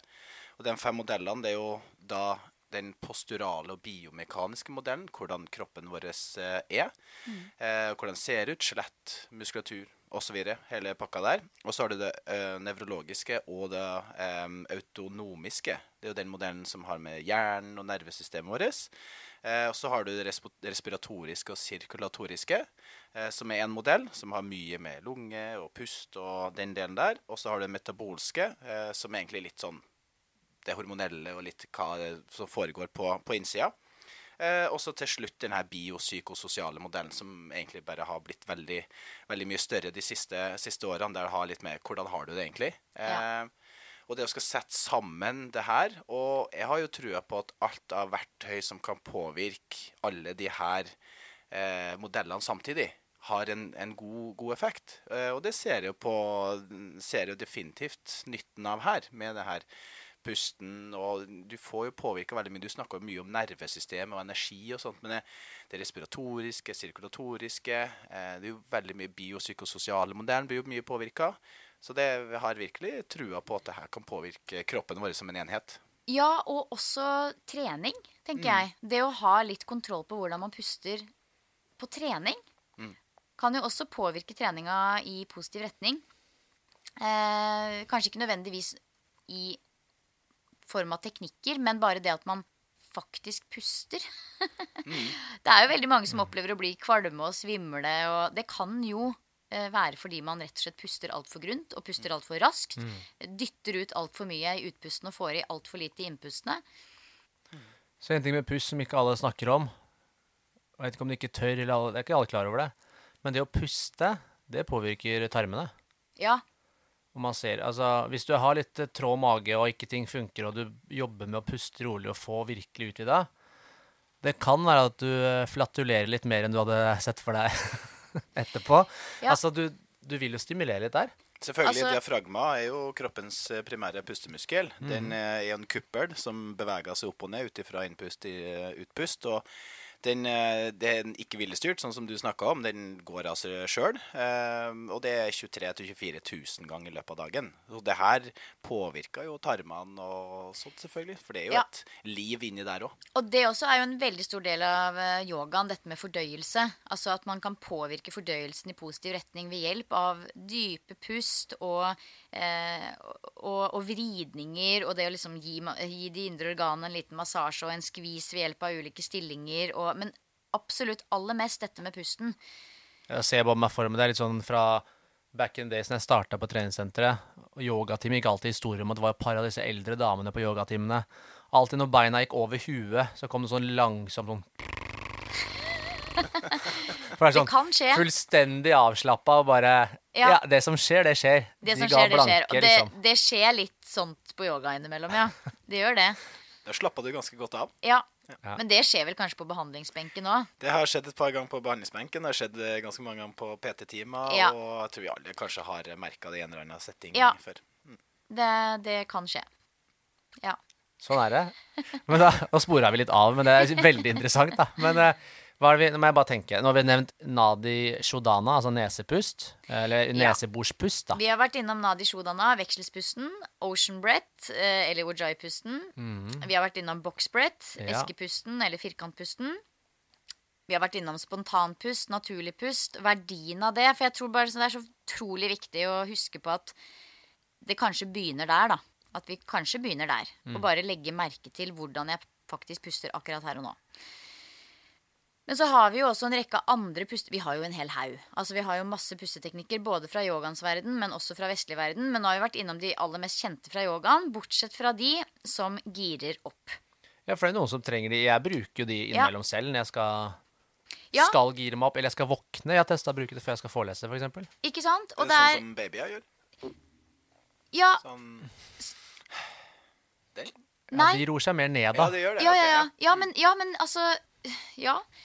Men skriking girer jo opp.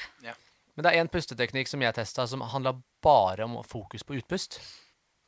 Um, I pustekurset mitt Ja. Vi har jo disse uh, litt mer litt sånn eh, en, energet, altså sånn energien opp-pusteteknikkene, som f.eks. bastrika, kabalbati, der hvor det er mye fokus på det å presse lufta ut gjennom nesa. Eller ulike måter. Og så kan du velge å gjøre det sittende, stående, med bevegelse, hva du vil. Og her er jo absolutt fokuset å få energien opp.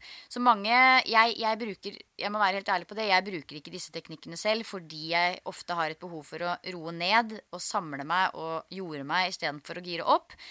Men de gangene jeg gjør det, eh, f.eks. hvis jeg er på en gruppetime eller en yogatime der det blir gjort, eller at jeg gjør det på egen hånd fordi jeg kjenner liksom at nå er jeg trøtt. Hvis jeg f.eks. studerer, da. Eh, blir veldig trøtt av å lese pensum. Det er så veldig tørt noen ganger. Da kan jeg kjenne etter lunsj, da kan jeg få litt sånn duppen. Det å kjøre i gang noen pusteteknikker da, som går på dette med å gire opp, kjempeeffektivt. Men også disse litt sånn langsomme typene, du vet. Kanskje kunne trengt det før de går inn på kontoret. Gire seg sjøl litt opp gjennom pusteteknikker. Og som du sier, før en, før en presentasjon, f.eks. Kjøre på med litt pusteteknikker. Men det jeg også har opplevd gjennom de litt sånn breath of fire-aktige pusteteknikkene, er at jeg også kan få en slags sånn release av følelser. Eh, det kan på en måte, altså Bare det å liksom puste sånn skikkelig, skikkelig hardt og, og bestemt og kraftfullt, det kan trigge litt sånn greier. Så det er absolutt ikke uvanlig hvis man er på et eller annet litt sånn klassisk yogaopplegg hvor det er litt sånn kvinnesirkel eller sharing eller et eller annet, hvor at man skal gjøre det først. Fordi det trigger noe i deg. Det løsner noe. Eh, og det også er jo igjen Det å gråte er jo en release. Etter at du har grinet, så er man helt sånn, helt sånn salig fordi man har fått utløse masse sånne hormoner som gjør at du føler deg helt salig etterpå. Eh, så det kan absolutt brukes i en sånn setting også, hvis man liksom går gjennom noe greier. Eh, men jeg bruker ikke de teknikkene selv sånn kjempemye. Men det er jo Vi har jo Wim Hof, for eksempel. Da. Det er jo litt sånn kraftfull pust. Eh, det er jo nesten det at du nesten på en måte velger å samle litt stress i en periode, og ta kontroll over stresset ditt, for å så gå inn i dagen og kjenne seg litt mer avslappa og avspent og fokusert. Ja, jeg syns den Wim Hof eh, har vært litt sånn spennende å teste ut. da. Vi Ja. gjorde det jo med 50 PT når vi hadde workshop for Sats her. Så fikk jeg 50 stykker til å stå og gjøre den med armene opp i lufta samtidig som man puster veldig sånn hardt ut. da. Ja. Inn og ut. Ja. Eh, så det, er, det Hva det syns folk om det? Nei, jeg tror de, Noen syns det var bra, noen syns det var flaut. Ja. Det er litt sånn i en Ja. sånn setting, og Ja. så mange. Men en pusteteknikk som, som jeg lærte en gang, som var en av de første jeg starta med, som jeg syns har hatt en kjempeeffekt for meg, litt sånn for å bare få oksygen, det er egentlig bare å starte med at du skal puste ut all lufta du har. Altså man puster først inn, og så skal du puste ut til du ikke har med luft å puste ut, og så skal du trykke ut det siste, bare sånn Og når du har gjort alt det, så får du automatisk et dypt innpust. Ja. Og det er for mange så er det sånn Oi, det er første gang jeg kjenner at magen beveger seg, ribbeina beveger Ja. seg. Fordi du gjør det uten å styre det. Det bare skjer av seg selv. Ja. Den var veldig sånn for meg, og så kjenner jeg at jeg blir litt sånn dizzy, får masse oksygen opp i huet og våkner litt av det. Det er, også, det er også noe som jeg ikke gjør spesielt ofte. Men det er som du sier, det trigger jo et sånn naturlig dypt innpust. Eh, og det er jo en fantastisk følelse å ta et skikkelig dypt innpust. Mm. jeg, for meg er den fin, for jeg blir litt høy av det. Så jeg våkner Ja. litt. Jeg syns det er fint. Og, men altså, litt tilbake til Wim Hof. Jeg er jo ikke noe ekspert der, og har ikke, jeg, jeg er ikke inne i den verden i det hele tatt. Men det er jo litt forbundet med crossfit. Veldig mange i crossfit-verden driver jo med Wim Hof. Ja, eh, absolutt. Det har jeg fått med meg. Jeg har ikke gjort noe særlig av det sjøl. Men eh, jeg vet ikke om det, det som tirrer for crossfit kan for veldig mange være litt ekstremt. Ja. Eh, og at de drar det sånn at det blir ytterpunkt. da. Og at Wim Hof ah, eh, på enkelte måter òg gjør det litt ekstremt. Han er drar ekstrem. det Han er ekstrem på alle måter. Ja, veldig langt ut. Jeg tror han har Og sånn at det er derfor det tirrer crossfittere, Ja. kanskje. Um, Det er nok de- veldig godt poeng. Og det er kanskje personen mer enn. Jeg tror også på det at eh, de som bruker Wim Hof, ofte tiltrekkes av det litt ekstreme. Og han er jo Han har vel noe sånt som 26 verdensrekorder eller noe sånt nå, i helt sånne ekstreme ting. Eh, og det er jo han, han appellerer jo veldig til menn. Og ofte litt sånn menn som liker å trene hardt og gjøre litt ekstreme ting. Eh, men det som også er litt gøy der, er at hans teknikker stammer jo også fra yogaen, og da spesifikt kundalini-yoga, eh, som er en yogagren eller en yogaform der hvor målet i yogaen er å vekke den indre eh, kraften, på en måte. At liksom du skal på en måte Altså de som har liksom Den sovende kraften det er en kraft alle har, men ved å bruke disse kundalini- kundalini-metodene, så er det enkelte som opplever å vekke denne kraften, som visstnok skal være helt sykt. Og da er det på det nivået at du kan, du kan plassere en mann som eh, er naken i Himalaya, og han smelter isen rundt seg, på en måte. På det nivået der. Klass, klassisk Wim Hof. Ja, det hørtes Det er jo det han driver med også.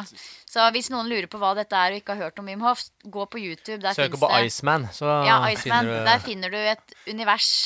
Vi har vært inne på litt det med å bade i kaldt og sånn. Det er også Wim Hof, da. Mm.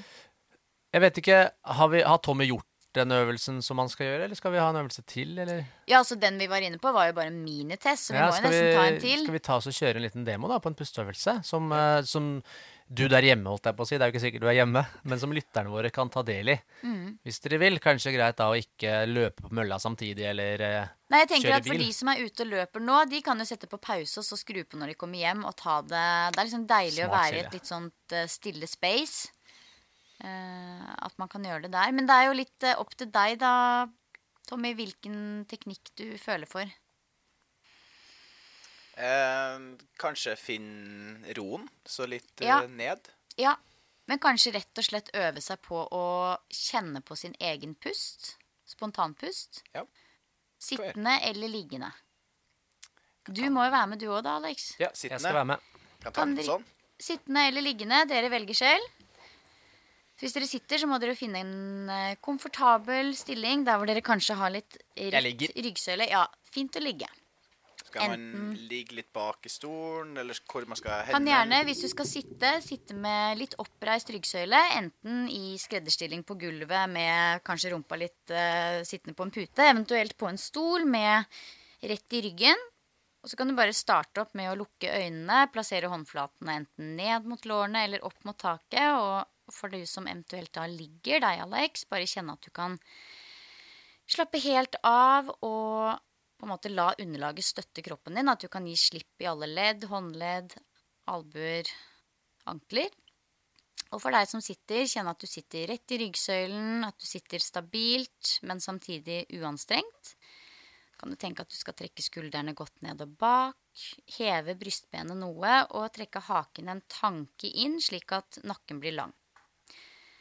Kan du bare starte opp her med å ta et dypt innpust og et utpust ut gjennom munnen.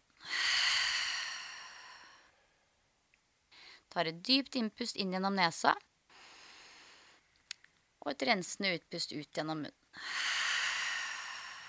En siste gang. Tar et dypt innpust. Og et godt utpust.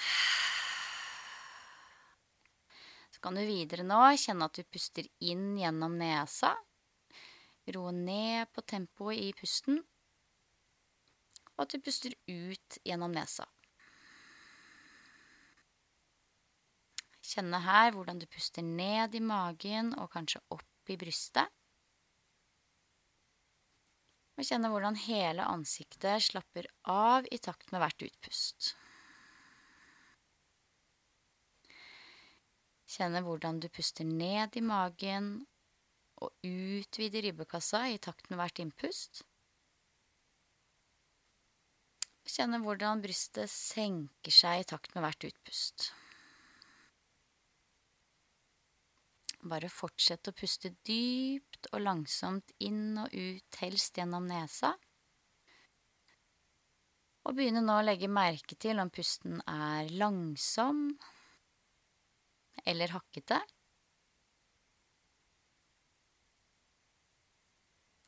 Legge merke til om du kan mykne opp de litt hakkete partiene.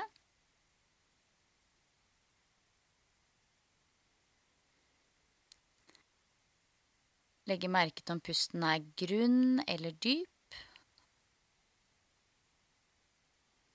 Om det er ubehagelig eller godt å puste dypt når du prøver på det.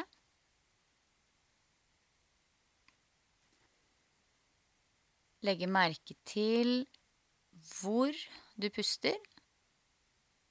Hvor er det pusten beveger seg? Er det ned i magen? Er det opp i brystet? Er det ute i ryggen? Kanskje se om det er mulig å utvide ribbekassa både framover, ut til siden og bakover. Og hvis du nå kjenner at du har en god ro og et ganske høyt nivå av konsentrasjon, så kan du her switche litt over til å gradvis gå over i en meditasjon ved å legge merke til hvordan pusten beveger seg i ett stille punkt, eksempel magen, eller i brystet, eller hvis du har et litt ekstra høyt nivå av konsentrasjon, kanskje i det punktet i nesa, der hvor pusten kommer inn og ut. Og da kan du legge merke til hvordan pusten din er kald i innpustet, og hvordan pusten er varm i utpustet. Prøve å holde oppmerksomheten i det punktet ytterst i neseborene.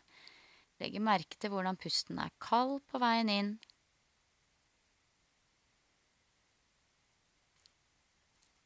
og varm på veien ut.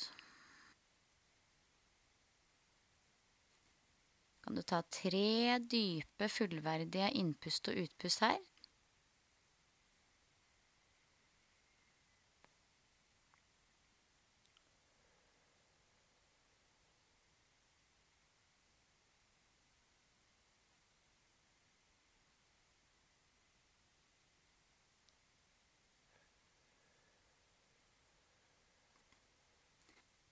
Så kan du varsomt åpne opp øynene og komme tilbake igjen til dette rommet. Og da kan man kjenne litt på hvordan det som befinner seg mellom ørene, kjennes ut nå. Det var rolig og deilig. Ja, Forsvant bare lenger og lenger ned. Jeg begynte å kjenne mikrofonen eh, mot panna mi. Så, Jeg hadde så lite rykk da, kjente jeg, enn, jeg var, enn da jeg var veldig på pusten inni nesa. ja, Og kjente det lille rykket ja, ja. i sofaen. Da har man klart å lande skikkelig, da. Ja, det var digg, altså. det var veldig deilig. Og det er ikke mer enn det som skal til. Det er på en måte Da er man i kontakt med pusten sin allerede der. Så egentlig er det bare, folkens, bare å spille inn den lille snutten her nå med Silje, så har du Silje livet ditt hver dag. Ja. Litt av tre minutter. Det er Eller bare. Nei, og bare bestemme seg for at man kanskje to minutter hver dag, eller det trenger ikke å være på tid engang, at du en gang i løpet av dagen skal gjøre ti pust. Og da pleier jeg å telle på hånden min. Telle på hånden. Mm. Ti pust. Og så en rolig og behagelig stemme nå. Det var veldig deilig. Ja. Det skal hun ha. Jeg syns det er skikkelig, Ja, det er skikkelig behagelig, fin stemme. ja, men det er hyggelig at ikke det er masete. Nei, dette var en bra, bra avslutning på dagens episode, tenker jeg. Enig. Tror vi skal ha en sånn salig outro ut fra det her. Vi skal lete at døgnet forsiktig litt med dag. Jul og det første søndag i advent som nettopp har vært. Og... Det er mye det- stress i jula, ikke sant? Og Ja, det er dette det. er jo kjempefint å kunne bruke inn mot juletider, og ikke minst i juletider. Ja, det er nettopp det. Og det er virkelig ikke mye som skal til. Jeg tenker at spesielt hvis du, hvis du er en sånn person som vet det, at du puster veldig mye med munnen, og det er mye grunnpust, så bare to minutter hver dag til å bare øve deg på å puste gjennom nesa, bare øve deg på langsomme pust, det er en kjempefin start. Det er eh, en enkel start. Kjempebra. Jeg vet jo hva jeg skal gjøre når denne episoden kommer ut. Skal jeg ta sånn skjermopptak av de minuttene vi har sittet her nå. Så skal jeg ta det på mobilen. Så skal jeg gjøre det igjen og igjen og igjen. Ja. Det er fint å ha litt guiding i starten, og så etter hvert så kan man gjøre det litt mer på egen hånd. Tusen hjertelig takk for at du stilte opp nok en gang, Silje. Det var veldig hyggelig å være tilbake i Pana Sound Studio med dere, gutta boys. Vi trives i studio her, da. Vi har sittet her uh, over noen eh, episoder nå. Ja da, siden vi starta opp. Herregud, det har vart en stund. Trivelig. Ja, men vi skal lete at døgnet, vi, Tommy. Det skal vi. Og så håper vi at du som har hørt på i dag, har fått noen eh, både litt sånn nyttige innsikter når det kommer til pust, lært litt rundt det, og kanskje fått testa erfart det også. Så vi høres igjen om en liten uke. Det gjør vi. Bra. Gleder meg. Takk for nå. Takk, for, takk til deg, Silje. Tusen Takk for at jeg fikk komme. Veldig hyggelig av deg. Veldig hyggelig. Og takk til deg som hører på. Ha det bra. Ha det bra. Ha det.